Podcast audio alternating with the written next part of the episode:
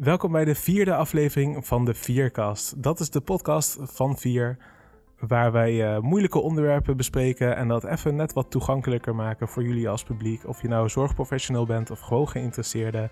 Um, en vandaag gaan we het hebben over een heel interessant rapport gemaakt door Emma Simons van het CKM. Emma, zou je jezelf kunnen voorstellen? Natuurlijk. Uh, ik ben Emma. Ik werk bij het CKM in Den Haag. En ik ben daar onderzoeker. Wat is het CKM? Het CKM is het Centrum tegen Kinderhandel en Mensenhandel. Dat doet onderzoek naar seksuele uitbuiting in Nederland. En jij bent onderzoeker, dus jij doet daar onderzoek naar. En jouw dag ziet eruit als. Nou, ik draai nu momenteel meerdere onderzoeken. Um, dus ik doe eigenlijk meerdere dingen per dag. Um, ja, dat kan heel verschillend zijn. Een onderzoeksvoorstel schrijven, tot echt interviews houden, tot het uitwerken van interviews, tot um, gesprekken met, met uh, experts op het gebied van seksuele uitbuiting, ja, tot het schrijven van het onderzoek zelf. Dus het is best wel wisselend wat ik dus doe. onderzoek klinkt misschien saai in de oren voor mensen, maar het is een heel divers baantje waar je eigenlijk heel veel praat met mensen ook. En ja, informatie dat verzamelt. Ja. Wel per onderzoek, maar uh, het is wel heel divers. En ik doe hele diverse onderzoeken, dus dat is ook heel erg leuk. Ja, leuk. Ja. Dat is wel hoe je je werk zou omschrijven ook. Ook al is het een beetje een moeilijk onderwerp om leuk te vinden. Maar... Ja, leuk is misschien niet het goede woord, maar wel heel erg interessant. Nou, dus dat is uh, wel tof. Want nu ben je zelfs in de media geweest. Je was al eerder in de media, of misschien niet jij specifiek, maar het onderwerp waar je nu een rapport over hebt uitgebracht wel. Of waar het CKM een rapport over heeft uitgebracht. Namelijk uh, Pro-Anna en de, de coaches in die wereld. Uh, dit is een onderwerp wat voor weinig mensen bekend voor zou komen, vermoed ik. In ieder geval voor mij was het een, een uh, iets waar ik helemaal niks van af wist eigenlijk. En dat is raar, want ik leef online praktisch. dus, dus hoe komt het dat ik hier niets van weet? En ik vermoed dat dus ook heel veel andere mensen hier niets van weten. Uh, is het echt zo'n onbekend fenomeen, Emma? En kan je er iets over uitleggen? Kan je een beetje een introductie geven over waar je rapport over ging? Ja, het is niet gek dat je er niks van wist. Ik wist er zelf ook niks van. En ook, um, zeker voordat het onderzoek begon, had ik geen flauw idee wat pro-ANA was en wat pro-ANA-coaches zijn. Um, gedurende het onderzoek bleek wel dat het een bekend fenomeen is binnen de community van meisjes en jongens met pro-ANA-coaches. Um, pro-ANA is eigenlijk, uh, staat eigenlijk voor professioneel pro-ANA. Of professioneel anorexia bedoel ik. Het is een naam van een online groepering die bestaat uit jongeren met problemen die zich vooral die vooral online zijn op het internet. Uh, en die zich bezighouden met anorexia in dit geval. En die ook online op zoek zijn naar uh, ondersteuning en het onderhouden van een eetstoornis. Elkaar tips willen geven, op zoek zijn naar tips, op zoek zijn naar lotgenoten. Uh, om samen ervaringen bijvoorbeeld te delen.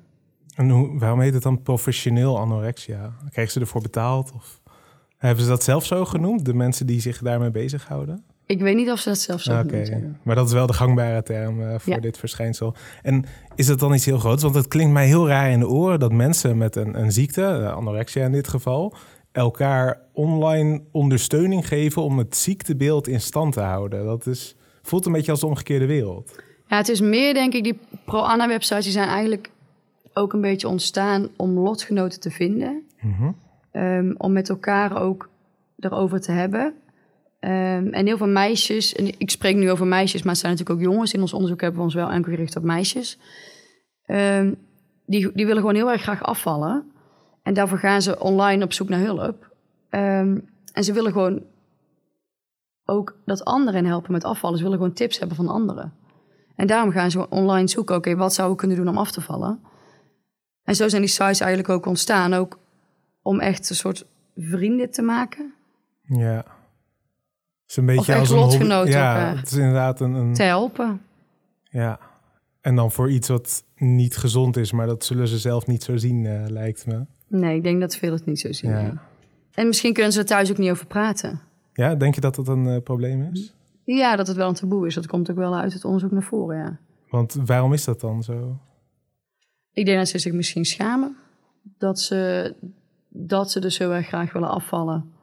En sommigen weten denk ik ook wel dat het niet gezond is om heel erg veel af te vallen. Um, en vaak speelt er ook meer. Is er een aanleiding voor het ontwikkelen van een eetstoornis? Dat kan verschillende dingen zijn. De, in het onderzoek kwam ook naar voren dat sommige meisjes al eerder slachtoffer zijn van seksueel misbruik bijvoorbeeld. Een eetstoornis heeft vaak een aanleiding. Mm En dat, dat kunnen verschillende dingen zijn. Dat kan ook bijvoorbeeld seksueel misbruik zijn. Ja. Wat in het onderzoek ook naar voren kwam, dat sommige meisjes dat al eerder hebben meegemaakt. En het behouden van je gewicht of het lager krijgen van je gewicht, het afvallen dus, dat is iets waar ze zelf controle over hebben. In tegenstelling tot een trauma dat ze bijvoorbeeld op hebben gelopen naar aanleiding van seksueel misbruik. En sommige meisjes gebruiken dat als een soort toevlucht of als een soort houvast om toch een controle te hebben over iets. En dus het afvallen. Ja. Want zij kunnen zelf bepalen, oké, dit, wil, dit gewicht wil ik bereiken en zo kan ik het bereiken. Dus dan hebben ze daar zelf controle over. En dan maakt of het gezond is niet zoveel meer uit. En hoe, hoe kom jij er dan bij om dit onderzoek te doen? Nou, in 2016 heeft de Nationaal Rapporteur Menshandel... die heeft een, uh, een onderzoek gepubliceerd, Zicht op mhm. kwetsbaarheid. En daaruit kwam eigenlijk naar voren dat deze groep meisjes... Um, benaderd worden door zogenaamde pro-ana-coaches. En dat onderzoek is gebaseerd op één Nederlandse rechtszaak uit 2013 waarin een, uh, een man, de zogenaamde anorexia-verkrachter, zo werd hij ook genoemd, was, een, was een volwassen man. En die had meerdere minderjarige meisjes benaderd, uh, meisjes met anorexia, om hen te helpen met afvallen. En dat heeft een hele lange tijd geduurd en uiteindelijk is hij ook veroordeeld voor kinderporno, voor seksueel misbruik en zelfs voor mensenhandel. Omdat hij één meisje uh, wilde gaan prostitueren. Ja. en er zijn ook twee buitenlandse artikelen geweest of eigenlijk twee journalisten, één uit Duitsland en uit Engeland volgens mij, die hebben aangetoond dat het daar ook speelt. Um, en de vraag was eigenlijk, gebeurt dit in Nederland ook? Op die ene man na natuurlijk. En zo ja, op welke schaal en wat zijn die pro coaches en hoe werken ze en hoe benaderen ze eigenlijk meisjes? Uh, en naar aanleiding van dat onderzoek uh, heeft het CKM eigenlijk besloten om ook te gaan kijken naar de activiteiten van deze pro coaches in Nederland. Dus zo kwamen we eigenlijk bij het onderzoek. En hoe was dat voor jou om hier onderzoek naar te doen? Want het lijkt me best wel een moeilijk onderwerp, omdat je met zo'n kwetsbare groep te maken heeft, die ook nog eens dan op, uitgebuit worden, die misschien daarvoor dus ook al traumatische ervaringen hadden. Wat deed dat met jou als onderzoeker? Ja, ik was er zelf best wel onbekend mee van tevoren. Dus ik was ook heel erg benieuwd naar wat ik zelf zou tegenkomen. We hadden ook niet verwacht dat we zoveel informatie zouden krijgen. Nee, wat had je wel verwacht? Um, ja, eigenlijk niks. Ja, dat klinkt heel erg gek, maar omdat ik er zelf zeg maar niks van wist, ehm, had ik ook totaal geen idee wat ik kon verwachten toen ik op het internet op ging om te kijken. Ik, weet, ik wist zelf van tevoren sowieso niks over anorexia. Laat staan over het pro-ana-coaches, mensen die ehm, meisjes in dit geval willen helpen om af te vallen, want dat zijn eigenlijk pro-ana-coaches. Ehm, we hebben eigenlijk samen met GGZ Rivierduinen eetstoornissen hebben we eigenlijk samen dit onderzoek gedaan. Dus is niet alleen van het CKM, maar in samenwerking met GGZ Rivierduin, dus een eetstoorniskliniek in Leiden. Um, en samen met Proud to Be Me. Mm En Proud to Be Me is een uh, e-community en is eigenlijk een tegenhanger van een pro-ANA-website. Oké. En op die site wordt heel erg gericht op het herstel van eetstoornissen. Um, en hele positieve verhalen en ervaringen worden daarop gedeeld. Ja, want hoe, hoe zag jouw onderzoek eruit? Ja, jullie hebben met deze partners samengewerkt om het onderzoek op te zetten. Zijn, is dat dan ook je de, de mensen die je hebt gesproken vandaan hebt gehaald, om het zomaar cru te zeggen? Ja, dat is zeker uh, wat je daar zegt, klopt eigenlijk wel. Ons onderzoek zag er eigenlijk als volgt uit. We zijn natuurlijk begonnen met, met een literatuuronderzoek om te kijken, oké, wat is er überhaupt bekend over uh, pro-anorexia? En vervolgens hebben we nepprofielen gemaakt Nepprofielen? Ja, nepprofielen. Die hebben we uh, online ontwikkeld. En dat, dat waren drie minderjarige meisjes. Oké. Okay.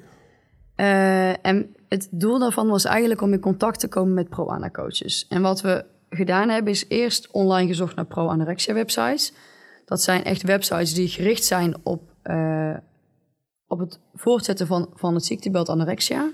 Waar dus ook tips, uh, neergezet worden. Verhalen, foto's in sommige gevallen. Uh, en waar ook heel veel gastenboeken zijn. En gastenboeken, daar kun, kunnen alle bezoekers van de site kunnen daar berichten op zetten. Um, en in die berichten zagen we heel veel terugkomen dat uh, er bijvoorbeeld gevraagd werd naar coaches, maar ook naar buddies, maar ook naar tips om, om af te vallen. En de contactvormen die zij daarin beschreven kwamen voornamelijk uit op Kik. En Kik, dat ken ik van tevoren niet. Het is een soort anonieme WhatsApp. Dus dan uh, kun je gewoon een app download, downloaden op je telefoon en dan kun je gewoon anoniem met elkaar chatten. Ja. Dus wat we willen doen met die nepprofielen, en wat we uiteindelijk dus ook gedaan hebben, we hebben een bericht geplaatst op een ProAnna-website, uh, waarin we vragen naar hulp met afvallen. Dus we hebben niet specifiek gevraagd aan mijn buddy en ook niet specifiek gevraagd aan mijn coach. Gewoon een heel algemeen bericht. hey, ik ben uh, Jisse, heten ze. 14 jaar, ik weeg zoveel kilo en ik wil graag afvallen. Nou, daar hebben we vervolgens um, daar hebben 45 coaches op gereageerd. 45, op één ja. berichtje. Ja, moet ik wel zeggen, we hebben met twee coaches een bericht online geplaatst. En in totaal hebben 45 coaches gereageerd. Oh, met twee profielen heb je een bericht online geplaatst. Ja. ja. Um, we hebben vervolgens met 31 coaches inhoudelijk gesproken. Zo. Ja, dus dat zijn echt uh, gesprekken geweest waarin zij ons hulp aanboden en ook tips gaven. Wat voor tips zijn dat dan, die ze geven? Uh, heel divers. Het kan gaan om workouts die we moeten doen, maar ook om, even denken hoor, hoeveel calorieën bijvoorbeeld op een dag mag eten. En eigenlijk de eerste, onder, of de eerste resultaten van die uh, gesprekken, die hebben we in een blog neergezet. En die blog hebben we geplaatst op de site Proud to be Me. Uh, en dat is een, een site met enorm veel bezoekers per dag. Hm. Dus die zijn heel erg, uh, heel erg vaak is die blog bekeken. En vanuit die blog konden, hebben we een online survey online gezet... waar meisjes en jongens terecht konden die contact hebben gehad met de pro-Anne coach... Uh, en daarin hebben we hen gevraagd om mee te werken aan het onderzoek. Nou, die survey is vervolgens door 79 respondenten ingevuld. Veel meer dan verwacht. Het was heel erg afwachten, oké, okay, uh, hoe wordt er gereageerd op die blog? Hoe wordt er gereageerd op die survey? Nou, die bleek dus echt enorm vaak ingevuld te zijn. Waardoor we dus een hele grote dataset eigenlijk hebben, hebben gekregen. En ook in die survey hebben we gevraagd naar de ervaringen van, die, van de respondenten. Oké, hoe oud was je toen je in contact was met de pro-ana-coach? Um, kun je iets vertellen over je pro-ana-coach? Hoe is het gesprek verlopen? Uh, daar kwam ook enorm veel data uit. En wat eigenlijk wel overeenkwam met wat uit de gesprekken naar voren kwam. Um, en dan was ook dat er bijvoorbeeld heel vaak gevraagd is, of heel vaak gevraagd wordt, naar bodychecks. Ja. En bodychecks zijn eigenlijk um, foto's van de voorkant, achterkant en zijkant van een, van een meisje of een jongen. Um, die de coach zogenaamd nodig heeft om te kunnen kijken hoe het lichaam eruit ziet. Om te kunnen kijken, oké, welke tips moet ik jou geven om af te vallen? Ja. Er blijkt ook dat echt 96% van alle coaches ook vraagt naar die bodychecks. En een deel van de coaches die vraagt naar foto's en kleren, maar een heel groot deel, um, echt wel uh, eh, 86%, die heeft ook foto's en ondergoed gevraagd. Um, de meerderheid van onze respondentengroep was ook minderjarig, dus dan gaat het echt om foto's van ondergoed um, van minderjarigen. En bijna 60% van de coaches heeft zelfs ook gevraagd naar naaktfoto's. Dus daaruit hebben wij wel de conclusie getrokken dat er wel sprake is van um, seksuele intenties van het vragen naar foto's. Ja. In ieder geval niet om enkel te helpen met afvallen. Ja, en dat krijgen ze die foto's dan ook? Niet wat, in wat doen die meisjes daarmee? Uh, niet in alle gevallen. De, er heeft wel een heel groot deel heeft die foto's en ondergoed wel gestuurd. Zo'n 65% volgens mij. En zelfs de, de, meisjes die gevraagd zijn om naaktfoto's, daarvan heeft ook bijna de helft um, de foto's gestuurd. En dat is eigenlijk, um, ja, die, er wordt zo misbruik gemaakt van de kwetsbaarheid van zo'n meisje. Die heeft al uh, een ziektebeeld, het ziektebeeld anorexia. En ze wil dus heel erg graag afvallen. Maar die meisjes zijn ook nog eens minderjarig en, en best wel kwetsbaar. En daar speelt de coach heel erg op in ook op het, door het inspelen op hun onzekerheden. Zij geven ook aan aan zo'n coach van... ik ben te dik en ik wil super graag afvallen. En zo'n coach die hoeft daar maar op in te gaan en in te spelen van... ja, je bent inderdaad te dik, maar ik kan je helpen. Maar ik kan je alleen helpen als ik een foto krijg van jou zonder kleren aan. Want anders kan ik natuurlijk niet zien ja. waar het vet zit en waar je moet afvallen. En als zo'n meisje zo super graag wil afvallen... Um, dan kan ze daarop ingaan. Ja, want ze is gewoon ziek. Het is niet alsof zij heel rationeel bedenkt van... oh, hij zou wel eens andere bedoelingen kunnen hebben met die foto's. Want dat denk je niet op zo'n moment. Zo'n meisje denkt, ik wil afvallen en hij kan mij helpen. Ja, precies. En dat is wat sommige meisjes ook aangaven tijdens... Uh, ik heb ook sommige geïnterviewd van, uh, van de respondenten. Die zeiden ook, het is een soort tweestrijd in mijn hoofd. Het ene moment neemt echt anorexia het over... en zal ik er alles aan doen om af te vallen. En het andere moment neemt mijn verstand het over... en weet ik donders goed dat wat de coach vraagt niet goed is... Alleen dat kan zo snel wisselen. Ja. En op het moment dat anorexia het overneemt, dan zal, ik, dan zal ik alles voldoen. Dus ook die foto's sturen. En dat is gewoon dat is gewoon heel erg. Ja, super heftig eigenlijk. Hoe was dat dan voor, voor jou om dat onderzoek te doen? Want op dit, zeg maar, en zeker als je er niks van verwacht, lijkt dit me echt super moeilijk. Ik vond het al moeilijk toen ik het rapport las. Zeg maar, toen had ik al zoiets van, dit is echt heel heftig. Hoe was dat dan voor jou als je daar middenin zit voor best wel een lange periode? Ja, het was ook heel heftig. Alleen het stimuleerde me ook wel om juist dit onderzoek nog verder te doen. Want dit gebeurt gewoon echt en er wordt zoveel misbruik gemaakt van die meisjes. Dus het is juist heel belangrijk om hier aandacht aan te besteden. En het blijft ook niet alleen bij bodychecks bijvoorbeeld. Er worden ook um, coaches willen ook afspreken met meisjes. En we hebben ook gesprekken gehad met, uh, met coaches, hè, met het netprofiel dan, of met een van de twee netprofielen. Dat er mannen zijn die gewoon seks hebben aangeboden aan het meisje, ondanks dat ze wisten dat het meisje minderjarig was. In, in het rand van seks is goed voor af te vallen. Ja. Of um, wil je afvallen, ik kan anorexia-pillen voor je regelen, maar dan moeten we wel seks hebben. Ja. We zijn zelfs in, in een groepenland waar kinderporno gedeeld is. Um, en er was een 36-jarige man die wilde heel graag seks met het nepprofiel, terwijl ze 15 jaar was. Dus ook die dingen gebeuren. En dat bleek ook uit de surveys. Um, er zijn tien meisjes geweest van de 79 respondenten. Die hebben afgesproken met een pro-Anne-coach... waarin in zeven gevallen seksueel grensoverschrijdend gedrag heeft plaatsgevonden. En hebben die meisjes daar dan ook aangifte van gedaan? Nee, daar hebben ze geen aangifte van nee. gedaan. Herkenden ze überhaupt dat het grensoverschrijdend gedrag was? Um, ze hebben wel aangegeven dat ze dat op dat moment eigenlijk niet wilden. Ja.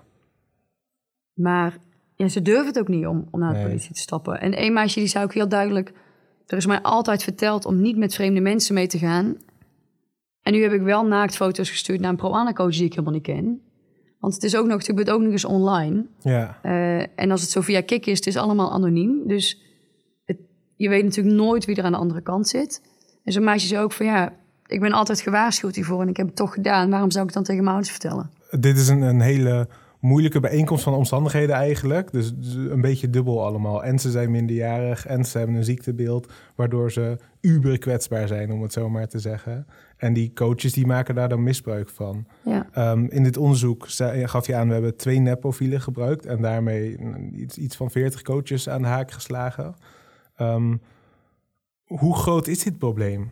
Hoe, wat schat je in? Ja, dat is een moeilijke vraag. We kun, dit was echt een verkennend onderzoek. Um, dus hoe groot het probleem is, dat weten we niet. We hebben wel, ik denk wel dat we met dit onderzoek aangetoond hebben dat het dus wel een groot probleem is binnen de community. Maar hoe groot dat precies is, dat weten we niet. We hebben nu ook um, naast de profielen en de, de online surveys hebben we ook tien openbare pro-Anna websites bekeken. We hebben gekeken naar de berichten die daar online stonden. Um, maar er zijn ook nog zoveel meer websites die niet openbaar zijn, waar ook dit soort dingen gebeuren. Wat bedoel je daarmee? Websites waar je eerst voor moet registreren of zo? Bijvoorbeeld, ja. ja. Wie weet wat er op het dark of deep web nog zich afspeelt of op hele andere apps, want we hebben nu alleen maar op Kik gekeken. Wie weet wat er op Snapchat of, of Instagram bijvoorbeeld zich ook afspeelt. Dat weten ja. we nog helemaal niet. Dus dit was echt een heel verkennend onderzoek. Um, dus over hoe groot het probleem precies is, daar antwoord moet ik je verschuldigd blijven. Ja, maar um, gaan jullie dan ook vervolgonderzoek doen daarnaar? Om te kijken hoe groot het probleem is? Of komt dat dan weer bij iemand anders terecht? Nou, het is wel een van de aanbevelingen die we uiteindelijk gedaan hebben. Uh, we willen wel heel erg graag onderzoek gaan doen, ja. Zeker omdat dit, uh, wat ik net zei, maar een verkennend onderzoek is. We willen ook heel erg graag kijken, oké, wat gebeurt er op de fora die wel bijvoorbeeld beveiligd zijn met een inlog? Uh, op het dark en deep web, maar ook hebben die coaches bijvoorbeeld onderling ook contact? Dat weten we bijvoorbeeld ook niet. Wisselen zij misschien foto's uit? Um, krijgen zij misschien tips van elkaar waar ze contact kunnen vinden met deze coaches? Dus ja, we zouden erg graag vervolgonderzoek willen doen, ja. Ja, want hebben jullie ook inzicht gekregen in wie die coaches dan zijn? Wat voor mensen zijn dit? Uh, nou, het zijn blijkbaar mannen die gebruik willen maken van kwetsbare minderjarige meisjes. Maar enig idee wat voor mannen? Leeftijden, de, iets? Want het lijkt me heel moeilijk om te achterhalen, aangezien je op zo'n anoniem medium zit. Ja, dat is ook moeilijk om te achterhalen. Je moet gewoon uitgaan van wat zij zeggen. En op basis daarvan heb ik gekeken, wat voor personen zijn dit? En het, het zijn voornamelijk mannen. Um, de mannen die ons benaderd hebben zijn voornamelijk tussen de 21 en 30 jaar oud. Ja, voor hetzelfde geld zijn ze bijvoorbeeld veel ouder. Ja. Ehm, we denken wel dat de grootste groep mannen is. Of de grootste groep coaches dat het mannen zijn. Ehm, maar 100% ze- zeker weten, dat, dat doen we nooit. Omdat het natuurlijk online onderzoek is. Ja. Want wat verraste jou nou het meest aan dit onderzoek? Het is allemaal best wel schokkend, denk ik. Maar wat stond er voor jou nou bovenaan van... Shit, dat had ik niet verwacht. Überhaupt dat deze groep kwetsbare meisjes zo groot is, zeg maar. En dat er zoveel mensen zijn binnen deze community die daar zo misbruik van maken. Het hele fenomeen pro-Anna-coaches heeft me al ehm, enorm gechoqueerd, om het zo maar te zeggen. Maar dat we zoveel informatie hebben binnengehaald binnen een relatief korte tijd, want we hebben een jaar onderzoek gedaan. Ehm, daar ben ik wel van geschrokken. Want als wij al zoveel informatie binnenhalen binnen een jaar, wat kunnen we dan met vervolgonderzoek binnenhalen? Of wat zou de politie bijvoorbeeld kunnen Ja. binnenhalen? En dat is wel, denk ik, het meeste waar ik van geschrokken ben. Uh, heb je ook reacties gekregen van bijvoorbeeld de politie op jullie onderzoek? Of vanaf andere instanties die dit zouden moeten weten misschien? Ehm, nou, we hebben wat. We zijn dus wel wat zaken tegengekomen, zoals die kinderporno. eh, die groep waar kinderporno gedeeld werd. Ehm, helaas weten we niet wat de stand van zaken is daarvan. Maar we hebben ook wel in de aanbevelingen gezegd. ehm, ook richting de opsporingsdiensten, ga er iets mee doen. Ehm, bijvoorbeeld, zet een virtuele lokpuber in om bewijs te verzamelen. Ik bedoel, sinds vorig jaar april, als ik het goed heb, ik weet het niet helemaal 100% zeker, is de wet computercriminaliteit 3 ingegaan, waarin zij dus een virtuele lokpuber mogen inzetten om dit soort strafbare feiten te onderzoeken. Ehm, het is ons ook gelukt als, als Ja. CKM. Dus we zouden heel graag willen zien dat dat ook gaat gebeuren om wel deze pro-Anna-coaches aan te pakken. En ook de, ook de politiek. We hebben afgelopen dinsdag 3 maart hebben we het onderzoek overhandigd aan de ehm, Kamercommissie van Justitie en Veiligheid. Ehm, het gevolg daarvan is ook geweest dat het eh, plenaire debat over pro-Anna-coaches ehm, met spoed ingepland wordt. Dus het is zeker onder de aandacht, dus dat is natuurlijk wel goed. Ja, dat is wel fijn om te horen. En je, je gaf net al aan, we hebben een paar aanbevelingen gedaan aan verschillende instanties. Uh, wat, wat hoop je dat er gedaan wordt met die... Uh, ja, je hoopt natuurlijk dat ze worden overgenomen, die Ja. aanbevelingen. Maar wat verwacht je dat de volgende stap zal zijn in dit proces? Enig idee? Je kijkt heel erg moeilijk voor de mensen die dat niet kunnen zien.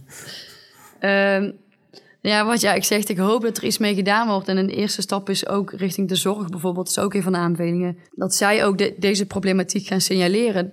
Bijvoorbeeld dat zorgverleners die in contact staan met deze meisjes... ehm, dat ze ook bijvoorbeeld gaan vragen bij behandelingen... of ze contact hebben gehad met de pro-coach. Als ze zich hiervan bewust zijn, oké, die problematiek speelt... en er is heel veel contact, dat, ze het zo, dat het taboe bijvoorbeeld ook minder wordt. Of de schaamte bedoel ik voor die meisjes om het te vertellen. Dat ze dus eerder zoiets ehm, naar voren gaan brengen. Ja, want om nog even terug te komen op die schaamte. ehm, waar schamen die meisjes zich dan precies voor? Schamen zich voor het feit dat ze anorexia hebben? Of dat ze eh, daar hulp bij zoeken? Weet je, weet je daar iets van? Ehm, wat is dan de, de issue dat die meiden daar niet over durven te praten? Ja, wat de respondenten voornamelijk aangaven qua schaamte... is dat ze bang zijn voor ook een oordeel van anderen. En het onbegrip van anderen dat ze bijvoorbeeld willen afvallen. Wij kunnen heel makkelijk zeggen... ja, anorexia is niet goed bijvoorbeeld. Het extreem afvallen is niet goed. niet goed voor je gezondheid. Maar het heet ook niet voor niets een ziektebeeld, denk ik. En zij zien dit gewoon niet. Dus als een meisje anorexia heeft en zelf heel graag wil afvallen... die zal niet zo snel tegen iemand anders zeggen... die dat bijvoorbeeld niet begrijpt van... hey, luister, ik wil heel graag zoveel kilo eraf bijvoorbeeld. En daar zat die schaamte bij die respondenten voornamelijk heel erg in. En als ze zich daar al voor schamen voor het oordeel van anderen... om het feit dat ze willen afvallen... zullen ze zeker niet tegen iemand anders gaan zeggen... dat ze ook nog eens online op zoek zijn gegaan... naar iemand om hen te helpen met afvallen. En hoe komt dat dan nu boven water? Want je hebt wel met mensen kunnen praten hierover. Um, de, de meiden met wie je hebt gepraat wilden hier ook wel over praten, denk ik. Ja, ik heb uiteindelijk met veertien uh, meisjes telefonisch nog contact gehad. Um, waarvan ik bij een heel aantal ook wel de eerste was met wie ze het erover hebben gehad. Dus oh, wow. je vraagt hoe het zeg maar, nu boven water komt. Ik denk dat heel veel meisjes dit nog steeds niet besproken heb met anderen. Sommigen hebben wel aangegeven naar de aanleiding van de blog of de survey ben ik wel met anderen gaan praten. Niet, niet eens per se met een hulpverlener, maar dat kan ook gewoon met een vriendin of, of vriend zijn geweest. Maar er zijn genoeg respondenten die tegen mij gezegd hebben: Ja, ik vind het prima om het tegen jou te vertellen, want het is anoniem. Maar voor de rest ga ik het niet vertellen hoor. Dus dan was ik gewoon de eerste persoon met wie ze het over het contact met de pro-Anna-coach hebben gehad. Ja. Wat natuurlijk ook wel een gevoel van vertrouwen is, denk ik. Omdat er dus ook een afstand tussen is. Ja, omdat telefonisch was, bedoel je? En anoniem. Ja, ja. Is dat dan ook een, een strategie van die coaches om ze. ehm, is dat zeg maar een actieve strategie dat zij dat die coaches zeggen van je moet het hier niet met anderen over hebben? Want dat zie je wel in andere vormen van misbruik. Dat er eerst isolatie plaatsvindt en dat je dan gaat manipuleren. Dus je eerst zegt je kan alleen maar mij vertrouwen. En op het moment dat je zover bent dat diegene met niemand anders meer durft te praten, dan wordt iemand opeens in een andere positie gedwongen. Herken je dat hier ook? Ja, herken ik zeker. Kwam ook, eh, kwam ook heel erg uit, uit, de, uit de surveys, kwam het naar voren. Dat coaches expliciet tegen, een, of tegen zo'n meisje zeggen van ja, ehm, je mag tegen niemand vertellen over contact met mij, want zij willen toch alleen maar dat je dik wordt.